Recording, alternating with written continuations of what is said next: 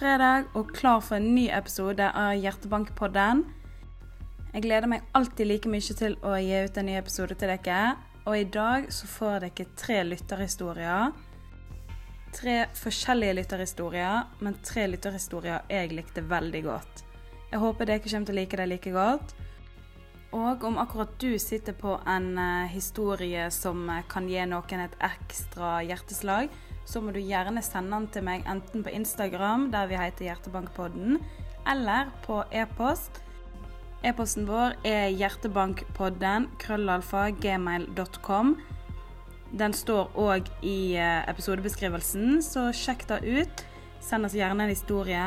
Det trenger ikke å være noe nøyaktig du har opplevd, men kanskje du har besteforeldre som har opplevd noe, ei venninne, kanskje søstera di eller broren din har opplevd noe. Uansett, vi er interessert i alt av sånne historier, så bare send det til oss. Vi har veldig lyst til at det skal være en fast spalte, at vi skal avslutte hver episode med en leserhistorie, og da trenger vi mange. Før jeg begynner episoden, så vil jeg bare si da at vi vet det var veldig dårlig lyd forrige episode, og det beklager vi. Det skal vi skjerpe oss på. Vi må være mer oppmerksomme når vi spiller inn episoden, sånn at den ene ikke snakker kjempelavt og den andre nærmest skriker inn i mikrofonen. Det skal ikke skje igjen. Jeg lover.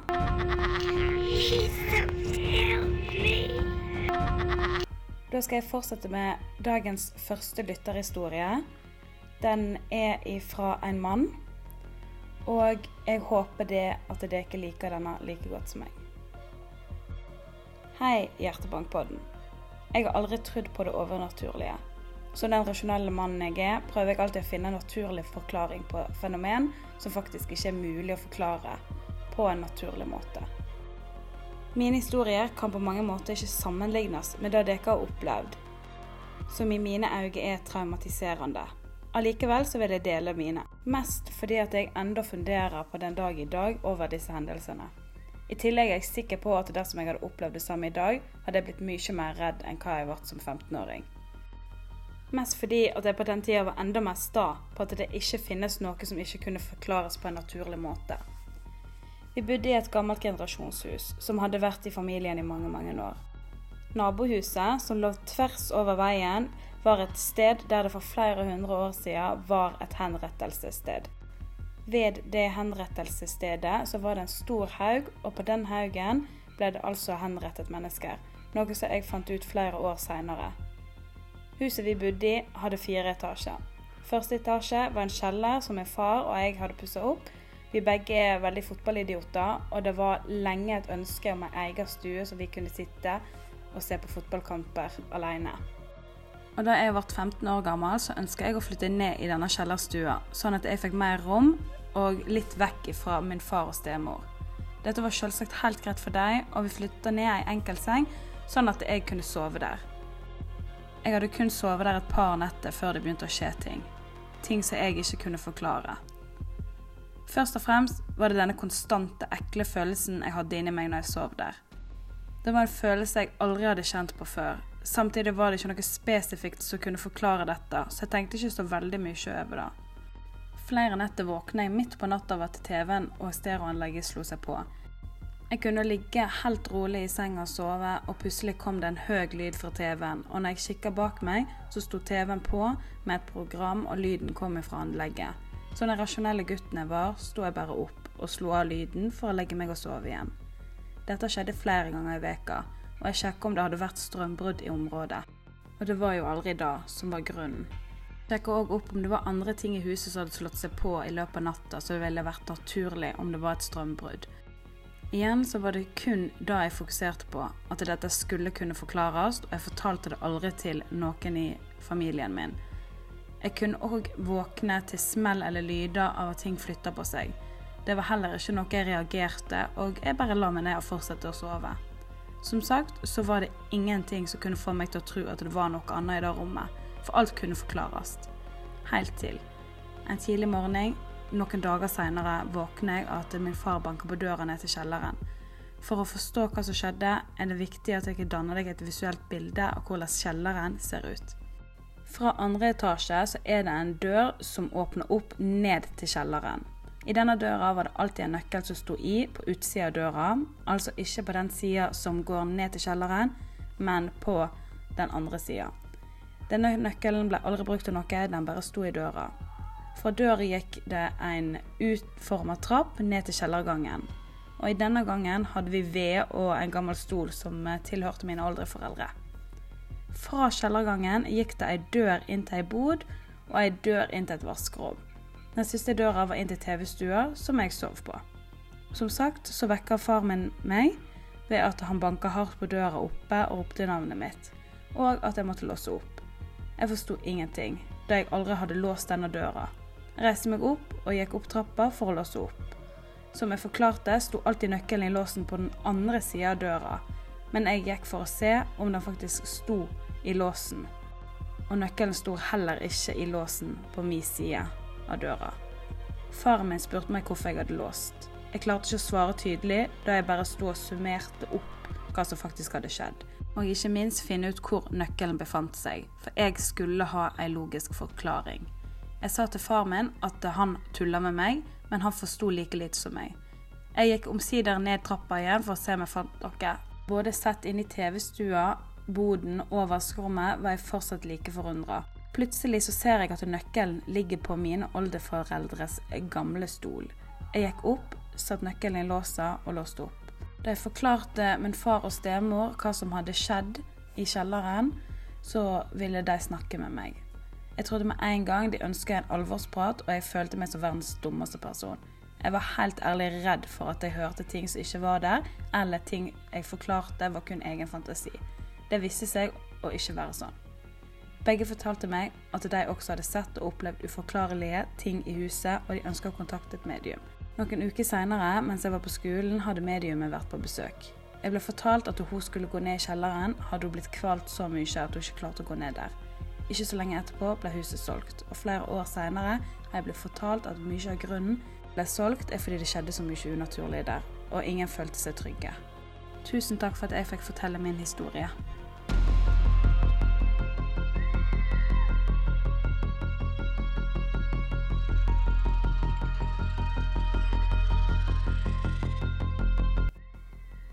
Hei. Jeg vil gjerne få dele mine opplevelser med det uforklarlige og skremmende med dere. Jeg har både sett, hørt og følt skumle ting siden jeg var bitte liten. Jeg husker absolutt alt, som om det var i går. La meg fortelle tre av dem. Jeg flytta fra ei blokk som jeg hadde bodd i siden jeg var født, da jeg var fire år gammel. Jeg var den yngste av tre jenter i familien, og mange vil nok kalle meg attpåklatten. Min eldre søster er ganske mye eldre enn meg, fordi jeg var så liten og trengte mye plass, fikk jeg det største rommet i det nye huset. Lysbryterne på dette rommet var rett ved siden av døra mi, og rommet mitt var såpass stort at de vesle små føttene mine måtte ta minst 15 steg før de hadde nådd bort til den andre sida, der senga mi sto. Hver eneste kveld da lyset ble slukka og jeg skulle sove, så jeg henne. Ei gammel dame. Ei gammel dame med langt, lyst hår og en gammeldags, lang, lys nattkjole. Hun sto alltid ved siden av lysbryteren på rommet mitt. Alltid. Ettersom at jeg var så liten, forsto jeg nok ikke så mye av dette, for jeg var aldri redd nå. Jeg husker at jeg spurte pappa om hvem som hadde bodd der før. Og det var visst tre eldre søstre som bodde der før oss, svarte pappa. I dette huset bodde jeg til jeg var rundt 16-17 år gammel, og damen var der hver eneste natt. Hun blei en del av rommet mitt, en del av meg. Hun fikk meg til å føle meg veldig trygg, og det må jo ha vært en av søstrene som bodde der og hun passer på meg. Men jeg har opplevd så mye, mye mer, og dette er ikke like behagelig å tenke på. For når jeg var 16-17 år, så flytta vi. Og da flytta vi inn i et eldre hus som vi skulle leie fram til jeg flytta for meg sjøl. Og mamma og pappa skulle kjøpe seg en leilighet. Dette huset ble bygga av bestefaren til min eldste søsters mann. Huset var alltid ekkelt, og jeg følte meg aldri hjemme der. Tenkte alltid at det var en logisk forklaring, som at det var en ny plass å bo på, og vi tross alt ikke eide huset sjøl. Og dette skulle motbevises. Det var ikke derfor jeg følte at dette huset var ekkelt. Alt begynte med at kjellerdøra, som var veldig nær baderomsdøra, gikk opp av seg sjøl. Og dette skjedde ofte. Det var ikke mye den åpna seg, men det var nok til at vi merka det. Kanskje rundt 15 cm åpning på døra. Dette skjedde spesielt når jeg satt i stua og hadde blikket mot gangen, der døra var. Jeg sa ifra til pappa hver eneste gang det skjedde, og hver gang sa pappa pytt, det er nok bare trekk. Trekk? Trekk fra hvor? pleide jeg å tenke. Så en dag, da jeg satt i stua og pappa satt i godstolen sin, smalt det skikkelig i kjellerdøra, og den gikk helt opp denne gangen. Det skjedde såpass fort og hardt at døra smalt rett i baderomsdøra. Pappa som satt plassert slik han ikke kunne se døra, spurte meg hva i alle dager var det for en lyd. Da svarte jeg, pappa, pytt pytt, det er bare trekken i kjelleren som sendte døra av gårde, rett inn i baderomsdøra, vel. Det hadde blitt min oppgave i huset å gå og lukke den kjellerdøra ofte, så jeg gjorde det igjen. Og pappa skyldte aldri på trekken igjen etter det. Jeg hadde en venninne som var ofte på besøk til meg i dette huset. Og når hun kom kjørende inn på gårdsplassen, så sto hun alltid der ute så lenge før hun kom og banka på. Hun fortalte meg at hun ganske ofte hadde sett noen stå i kjøkkenvinduet og se på henne når hun kom. Og hun trodde alltid det var meg, så hun venta på at jeg skulle komme ut. Men det var jo aldri meg. Og nå skal jeg fortelle den mest spesielle og ekleste historien jeg har fra dette huset. Det var en sommer, og den mellomste av oss jentene skulle gifte seg. Og hun hadde bedt meg om å være forlover i bryllupet. Hun bodde i Nord-Norge, så da bryllupet skulle ta sted, hadde foreldrene mine tatt fatt og kjørt seg en liten ferietur oppover i forveien. Jeg jobba, så jeg måtte komme etter med fly. Jeg skulle være alene hjemme i det huset i en måneds tid, og en kveld når jeg satt oppe i andre etasje på rommet mitt, så skulle jeg skype med søstera mi for å vise henne forlovelseskjolen min. Og det kommer jeg aldri til å glemme. Jeg satt i sofaen mens vi skravla og hygga oss. Da tida kom for at jeg skulle vise henne kjolen, så satte jeg PC-en på bordet og gikk ut i gangen for å hente kjolen. PC-en var plassert mot døra, slik at hun kunne se døråpninga ute i gangen. Og Da jeg kom tilbake med kjolen og vi sto den, var hun veldig fornøyd og gleda seg sånn til å se den på meg på bryllupsdagen hennes. Jeg satte meg på gulvet for å prate videre om alt og ingenting, og PC-en sto i akkurat samme posisjon mot døråpninga. Plutselig så spør søstera mi hvem er det du har på besøk. Jeg stivner til. På besøk? Men du veit at jeg er aleine hele denne måneden. Jeg har ikke besøk, sier jeg. Jo, June. Det gikk akkurat en gutt forbi døra di, ute i gangen. Jeg fikk ikke sove så veldig godt de neste nettene, og heldigvis hadde jeg fått ei venninne til å overnatte hos meg, sånn helt på tampen, da jeg allerede syntes at det var kjempeekkelt å være i det huset aleine. Ikke lenge etter akkurat dette her så flytta jeg heldigvis ut og inn sammen med min ungdomskjæreste og hans familie. Jeg måtte bare vekk fra det huset. Og det siste jeg husker jeg har opplevd, skjedde når jeg var rundt 19-20 år gammel. Og jeg var ute på fisketur med min daværende kjæreste og vår felleskompis. Vi hadde hatt en kjempefin kveld ute i skogen denne sommerkvelden, og det ble veldig seint da jeg skulle kjøre oss alle hjem igjen. Klokka var omtrent halv to på natta da jeg kjørte opp innkjørselen til vennen vår. Kjæresten min og vennen vår gikk ut av bilen og finne fiskeutstyr i bagasjerommet, mens jeg ble igjen i førersetet. Jeg hadde parkert bilen ved siden av garasjen hans. På baksida av garasjen gikk det en velbrukt sti ned til sentrum. Jeg snakker med bagasjerommet åpent, så ser jeg i sidespeilet at det kommer en gutt gående oppover stien. Han hadde på seg en rød hettegenser med sort skrift og en knelang shorts. Shortsen var hvit med blå, grønn og rød stripe på. Stripene gikk på tvers av hverandre, slik at det danna et rutemønster, og jeg husker jeg tenkte at det der var en badeshorts. Gutten kom opp på sida bak bilen, så jeg kunne ikke se han lenger. Kjæresten og kompisen vår sto fortsatt og skravla mens de fant fram fiskeutstyret. Jeg tenkte for meg sjøl at gutten må komme opp fra stien, og de kjente han sikkert, ettersom at gutten ikke fortsatte forbi bilen min og videre på stien. Da kompisen vår hadde takka for en fin kveld og sagt ha det, satt kjæresten min seg innat i bilen. Nå skulle vi hjem. Og da spurte jeg selvsagt hvem var det som eh, kom bak der. Var det noen jeg òg kjenner? Kom hvor? Det var jo bare oss to der ute, sa han. Men det kom jo en gutt opp stien. Hvem var da? Men han svarte at det aldri hadde kommet noen opp stien. Jeg ble småkvalm, bleik og skjelven så fort han hadde sagt de orda. Jeg tråkka på gasspedalen og slapp den ikke igjen før jeg var helt, helt hjemme. Jeg var livredd. Og håper mine opplevelser er interessante for dere. Jeg vil så gjerne dele disse opplevelsene med dere. Selv om jeg ikke har opplevd noe på rundt ti år nå, så sitter fortsatt disse episodene klistra til hodet mitt. Jeg kommer aldri til å kunne klare å glemme dem.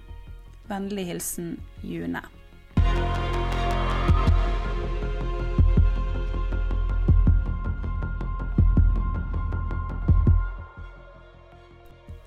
Hei, kjære Hjertebank. Først så vil jeg si at jeg har hørt på podden deres en stund, og det er blitt en av mine favoritter. Det andre jeg vil si, at dette som blir fortalt nå, er helt sant. Da får jeg begynne.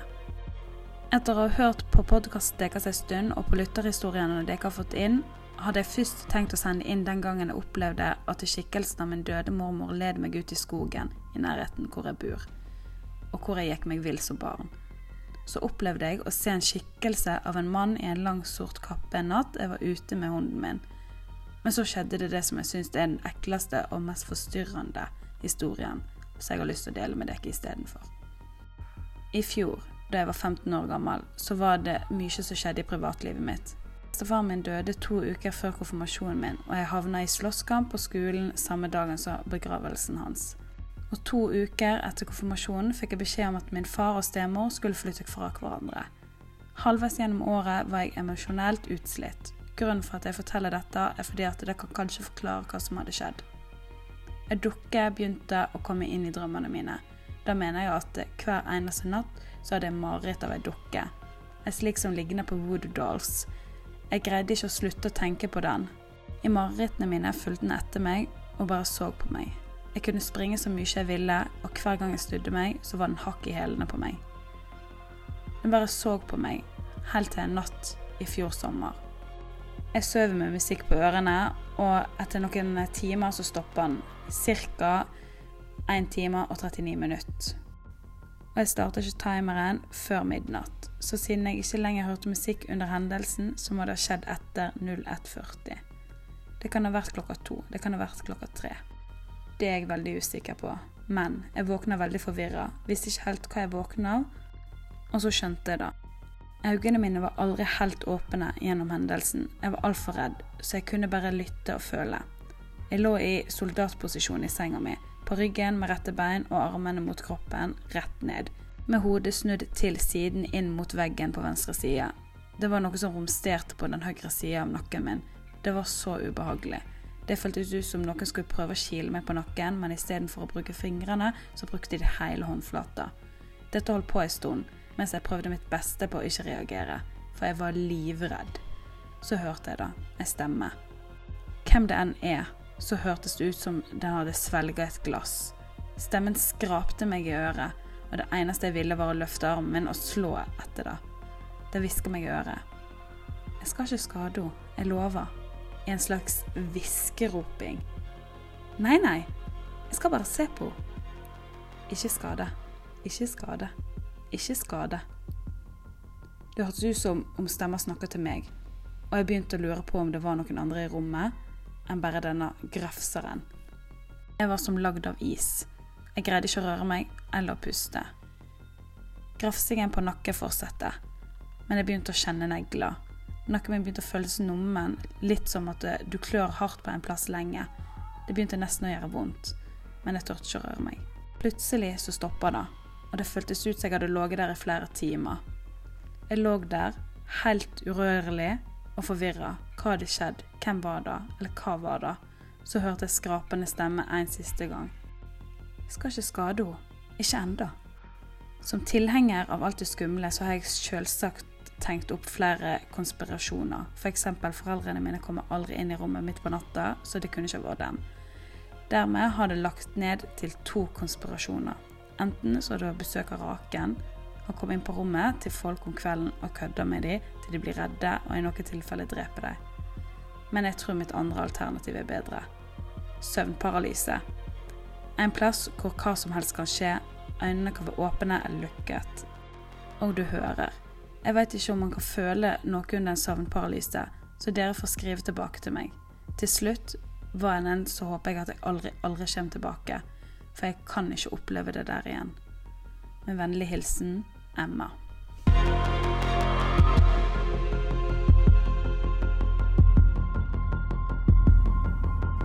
Tusen takk til alle som har sendt oss inn disse historiene. Jeg er så takknemlig for dem, og jeg håper dere liker dem like mye som meg. Jeg hadde et lite mål i dag om å bli ferdig med å spille inn før det ble mørkt ute, fordi jeg hater å gå ut fra dette rommet som jeg spiller inn podden i, alene når det begynner å bli mørkt. For da blir jeg litt sånn eh, paranoid. Men jeg tror det skal gå bra. Det er fortsatt litt lys ute. Og det jeg gjerne vil be dere om, er å sende meg kjempeskumle historier, sånn at neste gang jeg sitter her og spiller inn, så kommer jeg ikke til å tørre å gå ut hvis det er mørkt ute. Det er mitt mål for våren, at en av dere skal klare. Og hvis du tror at du klarer å skremme meg så mye, vær så god, send inn historie til oss. Enten på Instagrammen vår, Hjertebankpodden, eller på gmail. Da er det hjertebankpodden, krøllalfa gmail.com du kan sende til. Jeg er ekstremt mye til å høre deres historier. Jeg trenger deres historier fordi at eh, deres historier er ting ingen andre har hørt før. Og det syns jeg er så spennende at jeg kan få lov til å fortelle.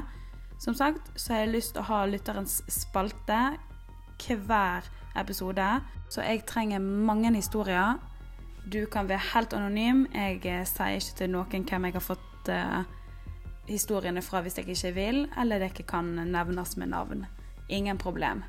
Men nå når vi går inn i helga, så må du huske da at eh, det er ikke mørket som er skummelt. Det er det som skjuler seg i mørket. Ha ei en fin helg. Ha det.